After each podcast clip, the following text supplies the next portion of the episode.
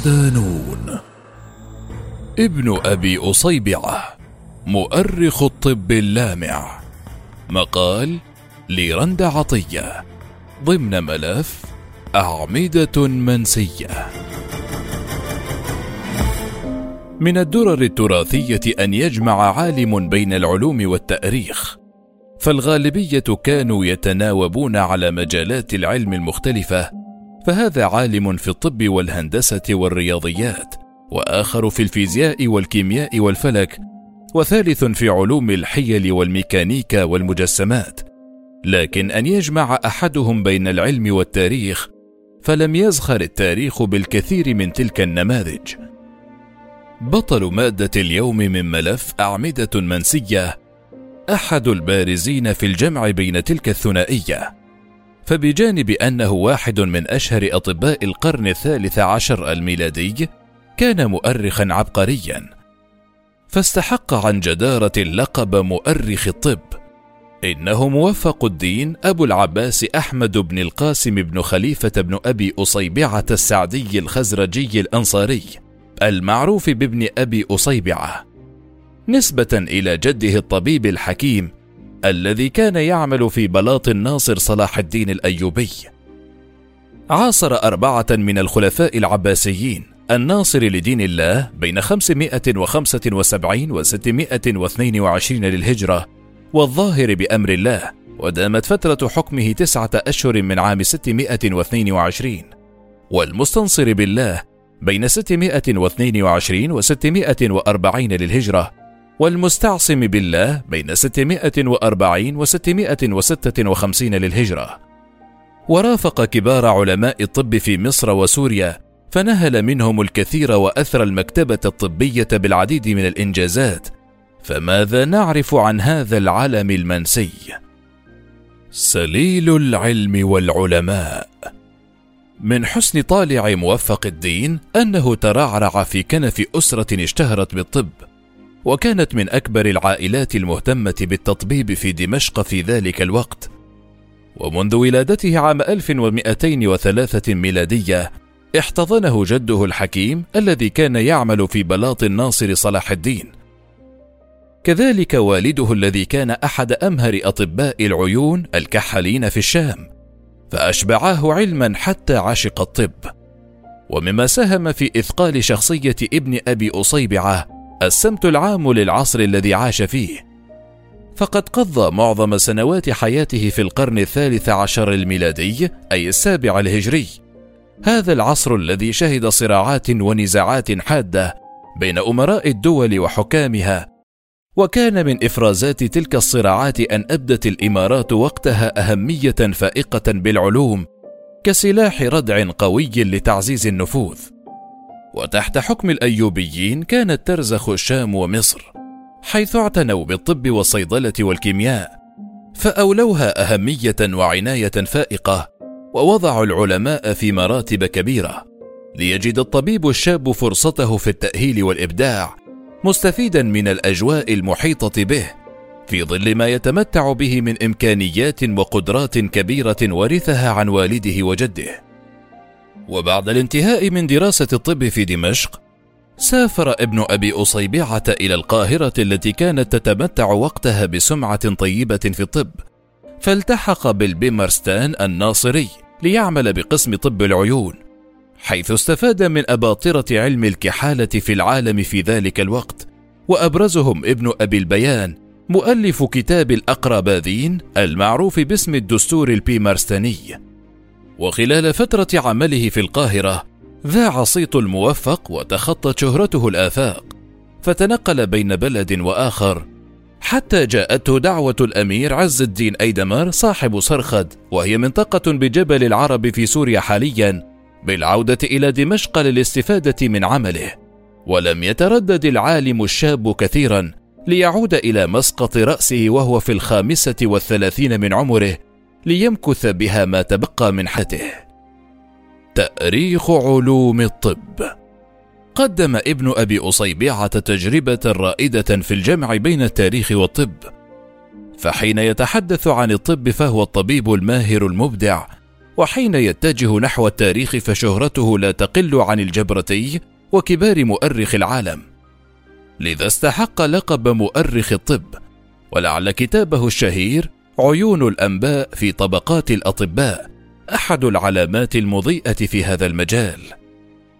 جاءت أقسام الكتاب الخمسة عشر لتقدم عرضا شافيا لتاريخ الطب وأبرز محطاته على مر التاريخ مستهلا الباب الأول بإلقاء الضوء على نشأة علوم الطب ووجوده كصناعة وأدوات. ثم الباب الثاني الذي عنون له ب في طبقات الأطباء الذين ظهرت لهم أجزاء من صناعة الطب وكانوا من المبتدئين بها. يليه في طبقات الأطباء اليونانيين الذين هم من نسل أسقليبيو وفي طبقات الأطباء اليونانيين الذين أذاع ابقراط فيهم صناعة الطب. وفي طبقات الأطباء الذين كانوا منذ زمن جالينوس وقريبا منه. وفي طبقات الأطباء الإسكندرانيين ومن كان في زمنهم من الأطباء النصارى وغيرهم. وفي طبقات الأطباء الذين كانوا في أول ظهور الإسلام من أطباء العرب. وفي طبقات الأطباء السريانيين الذين كانوا في ابتداء ظهور دولة بني العباس. وفي طبقات الأطباء النقلة الذين نقلوا كتب الطب وغيره من اللسان اليوناني إلى اللسان العربي وذكر الذين نقلوا لهم. وفي طبقات الأطباء العراقيين وأطباء الجزيرة وديار بكر وفي طبقات الأطباء الذين ظهروا في بلاد العجم وفي طبقات الأطباء الذين كانوا في الهند وفي طبقات الأطباء الذين ظهروا في بلاد المغرب وأقاموا بها وفي طبقات الأطباء المشهورين من أطباء ديار مصر وأخيرا الباب الخامس عشر في طبقات الأطباء المشهورين من أطباء الشام. نشر الكتاب لأول مرة عام 1882 للميلاد على يد المستشرق الألماني أوغست مولر الذي عثر على نسختين خطيتين وأشرف على طباعته في المكتبة الوهبية بمصر وقد طبع في جزئين إلا أن مولر اضطر لطباعته مرة أخرى في ألمانيا بعد عامين فقط من طباعته الأولى بسبب بعض التغييرات التي ألحقها الناشر على النسخة الأولى. والكتاب ألفه العالم الطبيب خلال فترة خدمته في البيمارستان الناصري بمصر حيث قضى في تأليفه عدة سنوات محققا ومدققا ومستمعا إلى الرواة من المعاصرين الأطباء والمؤرخين والشهود. وذلك من أجل تقديمه كهدية إلى أمين الدولة وزير الملك الصالح ليعم النفع به ومنه على كل أرجاء الدولة. الطبيب المؤرخ يستمد هذا المؤلف أهميته من أنه التجربة الأولى في إلقاء الضوء على الأطباء وتاريخ الطب في مختلف الحضارات والأمم كما يقول في مقدمته ولم أجد لأحد من أربابها ولا من أنعم الاعتناء بها كتابا جامعا في معرفة طبقات الأطباء وفي ذكر أحوالهم على الولاء. رأيت أن أذكر في هذا الكتاب نكتا وعيونا في مراتب المتميزين من الأطباء القدماء والمحدثين ومعرفة طبقاتهم على توالي أزمنتهم وأوقاتهم وأن أودعه أيضا نبذا من أقوالهم وحكاياتهم ونوادرهم ومحاوراتهم وذكر شيء من أسماء كتبهم ليستدل بذلك على ما خصهم الله تعالى به من العلم. وحباهم به من جودة القريحة والفهم فإن كثيرا منهم وإن قدمت أزمانهم وتفاوتت أوقاتهم فإن لهم علينا من النعم فيما صنفوه والمنن فيما قد جمعوه في كتبهم من علم هذه الصناعة ووضعوه. ما هو تفضل المعلم على تلميذه والمحسن إلى من أحسن إليه. ويحتوي الكتاب على أسماء أشهر من أثروا الحياة الطبية في التاريخ مستعرضا نوادرهم واسهاماتهم بأسلوب سلس جميل شيق كما حاول المزج بين الفلسفة والطب من خلال التعريج على بعض الحكماء والفلاسفة ممن كان لهم عناية وخبرة بصناعة الطب. وترجع الباحثة التاريخية مريم عبد الله قيمة هذا المؤلف الذي يعد أحد أبرز إنجازات المكتبة الإسلامية العربية في مجال العلوم بصفة عامة والطب تحديدا إلى عشرة أسباب. وذلك في دراستها التي أعدتها خصيصا لمناقشة الكتاب وتفكيك أركانه في محاولة للوقوف على حجم ما قدمه للبشرية من إسهامات جليلة. وتعتبر عبد الله أن الكتاب فريد من نوعه كونه السابقة الأولى لأن يضع أحد معجما تفصيليا للأطباء فهو يعد أكبر موسوعة في تاريخ الطب والأطباء.